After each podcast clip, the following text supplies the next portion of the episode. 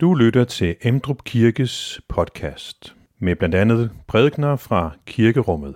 Du kan læse mere om Emdrup Kirke på emdrupkirke.dk.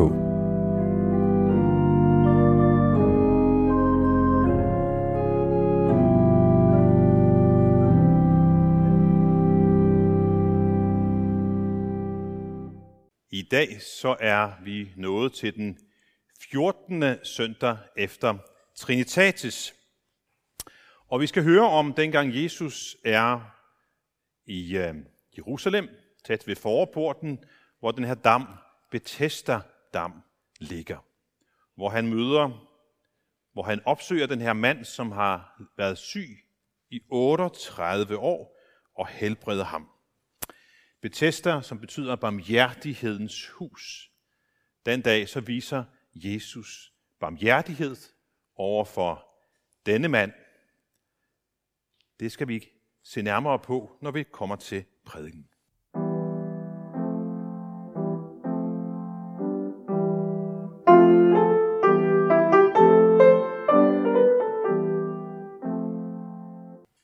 Dette hellige evangelium, skriver evangelisten Johannes.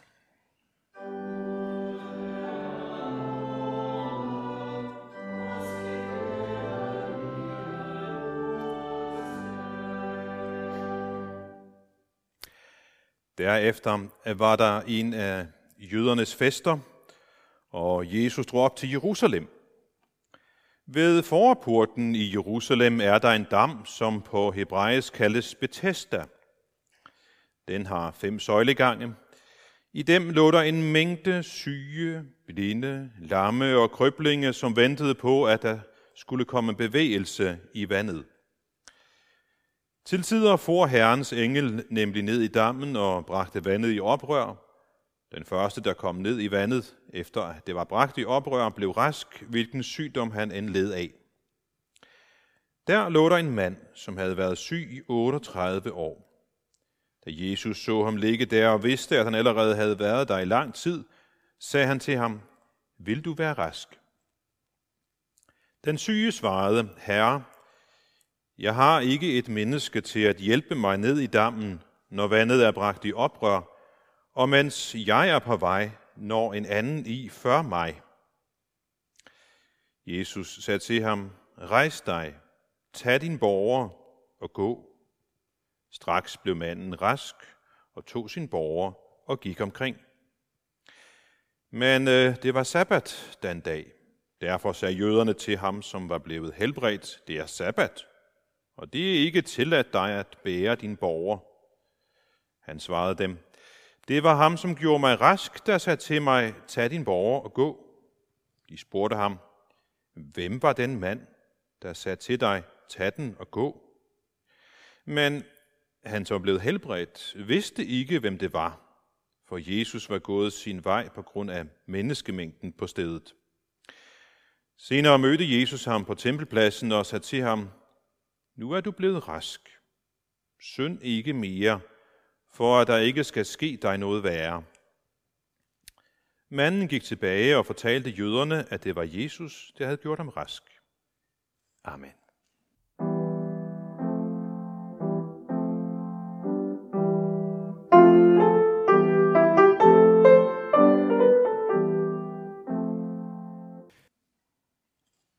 Midt i København ligger missionshuset Bethesda. Midt i Klaksvig på Færøerne ligger brødrenes store, flotte sal Bethesda.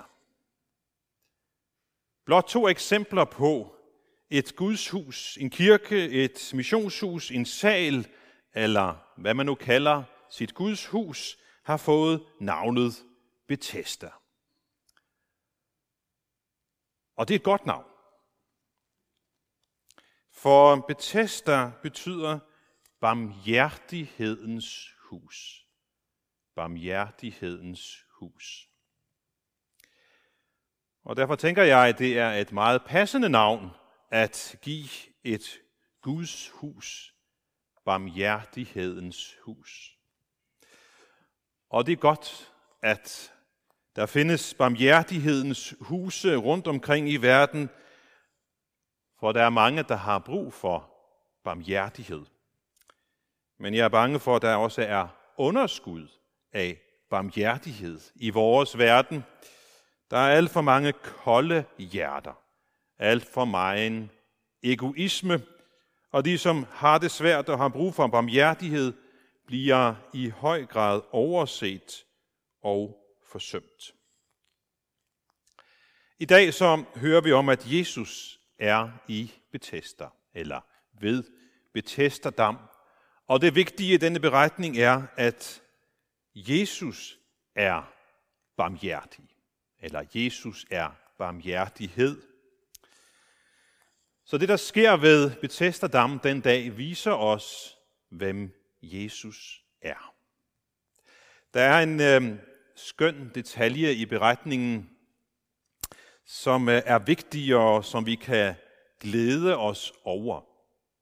Det er detaljen, at det er Jesus, der tager initiativet. Det er Jesus, der opsøger.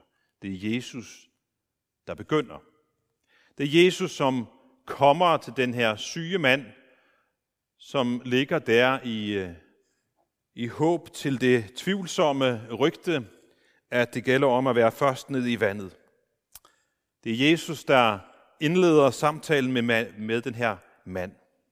Det er Jesus, der begynder også over for os. Vi kan måske strække os så langt og sige, at det var Jesus, der allerede begyndte, da han var hos sin far i himlen. Da han i sin store kærlighed valgte at lade sig føde ind i denne verden og blive et menneske for vores skyld. Jesus begynder. Jesus tager initiativet. Det kristne budskab er ikke et budskab om, hvad vi skal gøre. Nej, det er budskabet om, hvad Gud har gjort. Hvad Guds søn har gjort og gør for os i dag. Det er kernen i det kristne budskab. Ikke en masse regler, vi skal leve op til. Ikke en masse ting, vi skal opnå for at få Guds kærlighed. Nej, det kristne budskab er evangeliet om, at Gud i sin kærlighed sendte sin søn, som søgte og som søger stadigvæk i dag. Det var kærligheden, der førte ham til stallen i Bethlehem. Det var kærligheden, der førte ham op på Golgata, hvor han bar straffen for alle vores sønder. Og nu kommer det vigtige. Han søger også i dag. Den samme Jesus søger i dag. Og også i dag opsøger han den og dem, som har brug for ham. Det er det, som evangeliet i bund og grund handler om. Og derfor må vi ikke blive trætte af at forkynde evangeliet. Forkynde evangeliet om den opsøgende Jesus. Om frelsen ved hans død og opstandelse. Det vil altid være noget mærkeligt og uforståeligt. Paulus kalder det for en dårskab for dem, der ikke tror på det. Det er ikke noget, vi kan gruble os frem til. Og derfor har vi brug for at høre dette evangelium om den opsøgende Jesus igen og igen. Og i dag er han ude af at lede. Hvem skal han finde? Han søger efter dem, som har brug for ham. Og hvem har ikke brug for ham? Det har vi alle sammen. Og ved Bethesda Dam, så tager Jesus altså kontakt til denne mand, som har været syg i 38 år. Og Jesus helbreder ham, kan vi høre. Det kan vi glæde os over, at Jesus kunne, og han kan også i dag helbrede. Det kan også ske, at, øh, at Gud rører lidt ved den, som, øh, som har et godt helbred, så man kan blive mindet om, at det er en stor nåde at få lov til at være rask. At Gud kan helbrede, det er et vigtigt budskab. Jesu lillebror Jakob han øh, har en lille vejledning til os i den forbindelse i sit, sit brev, Jakobsbrevet. Og han giver en konkret vejledning og siger, hvis du er syg, jamen så gør brug af den mulighed at opsøge menighedens ældste og bede dem om at bede for dig. Han nævner os også mulighed for, at man kan salve med olie i Herrens navn og bede om, at Gud må gribe ind og gøre den syge rask. Paulus nævner det også meget konkret blandt de nådegaver, som Gud gerne vil udruste sin menighed med. Nådegaven til at bede for syge, og at Gud kan gøre dem rask igen. Jeg tror også, at sådan nådegaver findes iblandt os i dag. Måske i det stille, og det er jo heller ikke noget, man behøver at gøre et stort nummer ud af. Men det er virkelig nådegaver, ligesom Gud virkelig også i dag kan helbrede. Så det kan være en anledning til at minde om den mulighed, at vi frimodigt kan blive bedt for. At vi frimodigt kan bede om at blive bedt for. Også her hos os. Jeg stiller mig gerne til rådighed, hvis nogen ønsker det. Og jeg er overbevist om, at der også er flere andre her i kirken, som gerne stiller sig til rådighed, hvis nogen ønsker at blive bedt for. Og lad det samtidig også være en, øh, en påmindelse til os om, at vi må bede for, at Gud må opvække disse gaver hos os. Og når det er sagt, så skal vi samtidig huske på, at lægemlig helbredelse ikke er hele evangeliet. Jeg læste i Kristelig Dagblad i går et meget interessant interview. Det var med Mathias Sækker Rom. Han kom tidligere, eller de kom tidligere her i, øh, i menigheden.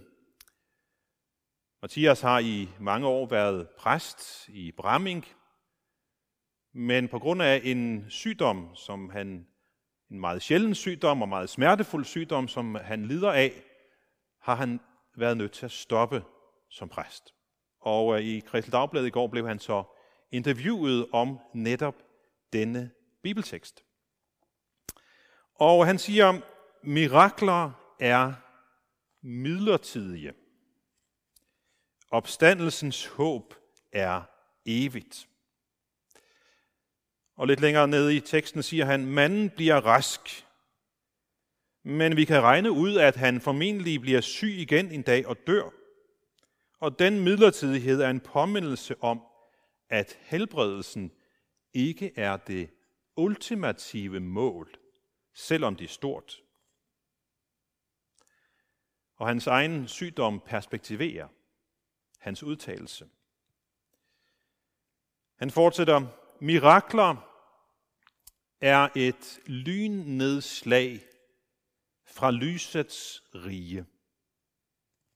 Et glimt af den nye jord og en øh, påmindelse om, at Gud kan gribe ind, og at han vil gøre det ultimativt en dag.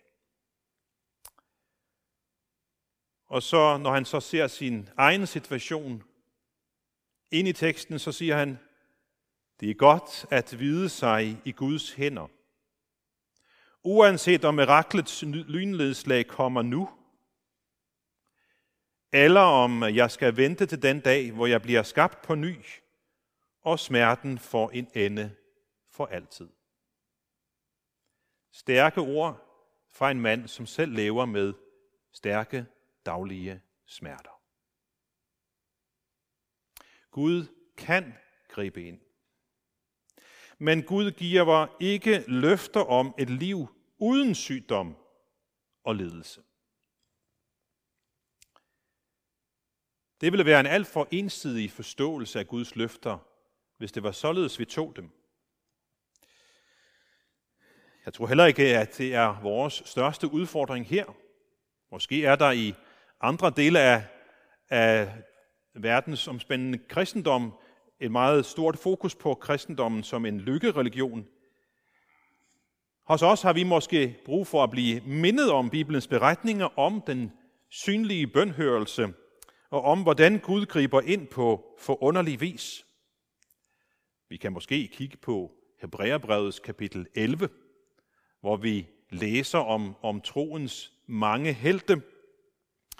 Og jeg synes, at når jeg læser den, det kapitel, så er det trosstyrkende at læse om, hvordan Jerikos mure falder ved tro, eller om Daniel i, øh, i løvekuglen, eller hvordan Israels folk gik tørskoet øh, på havbunden osv.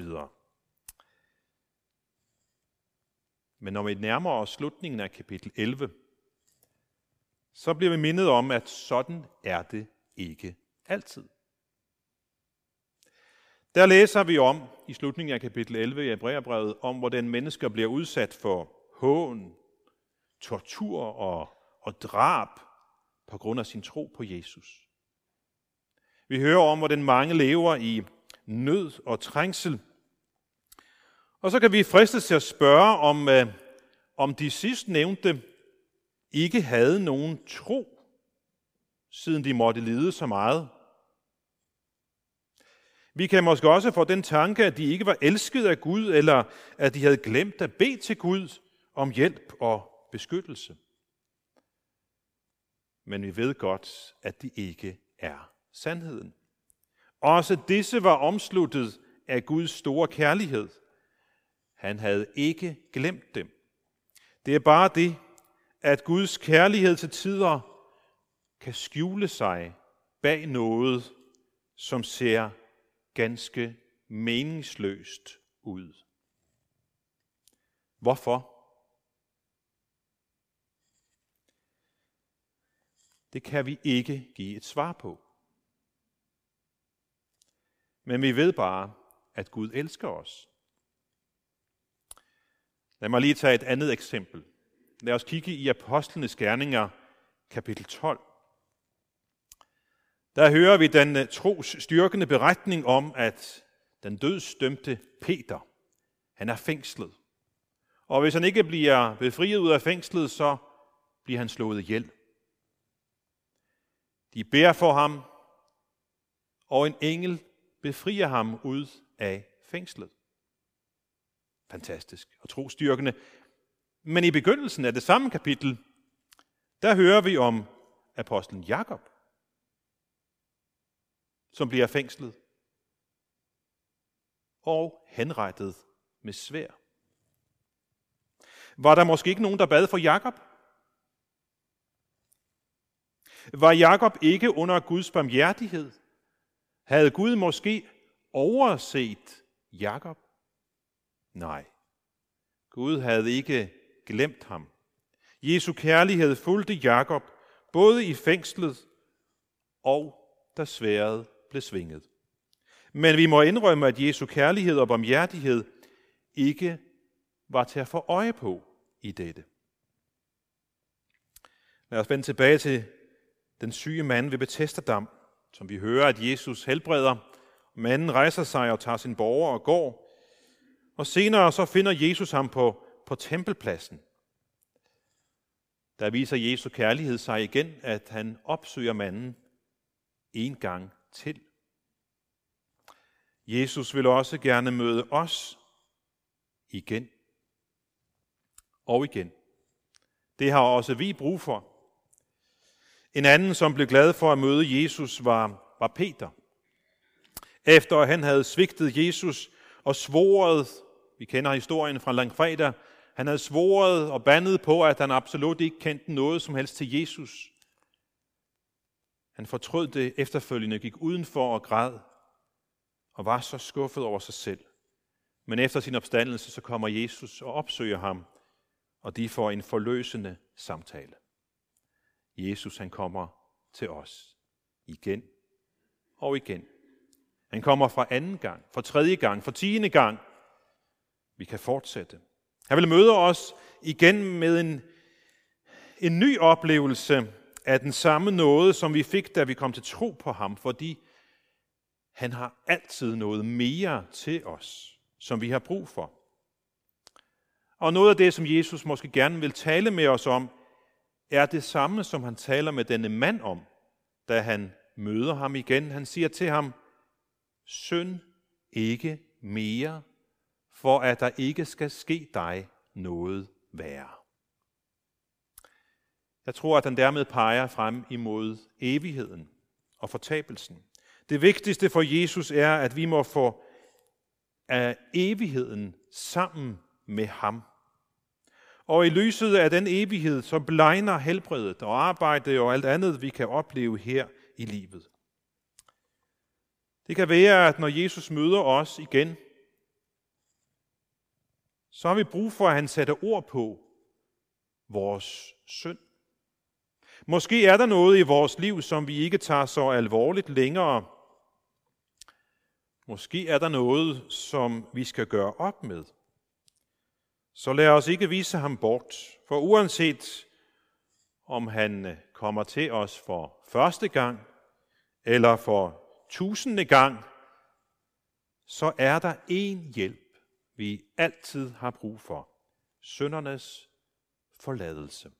Tilgivelsen, så vi en dag kan være sammen med ham for altid.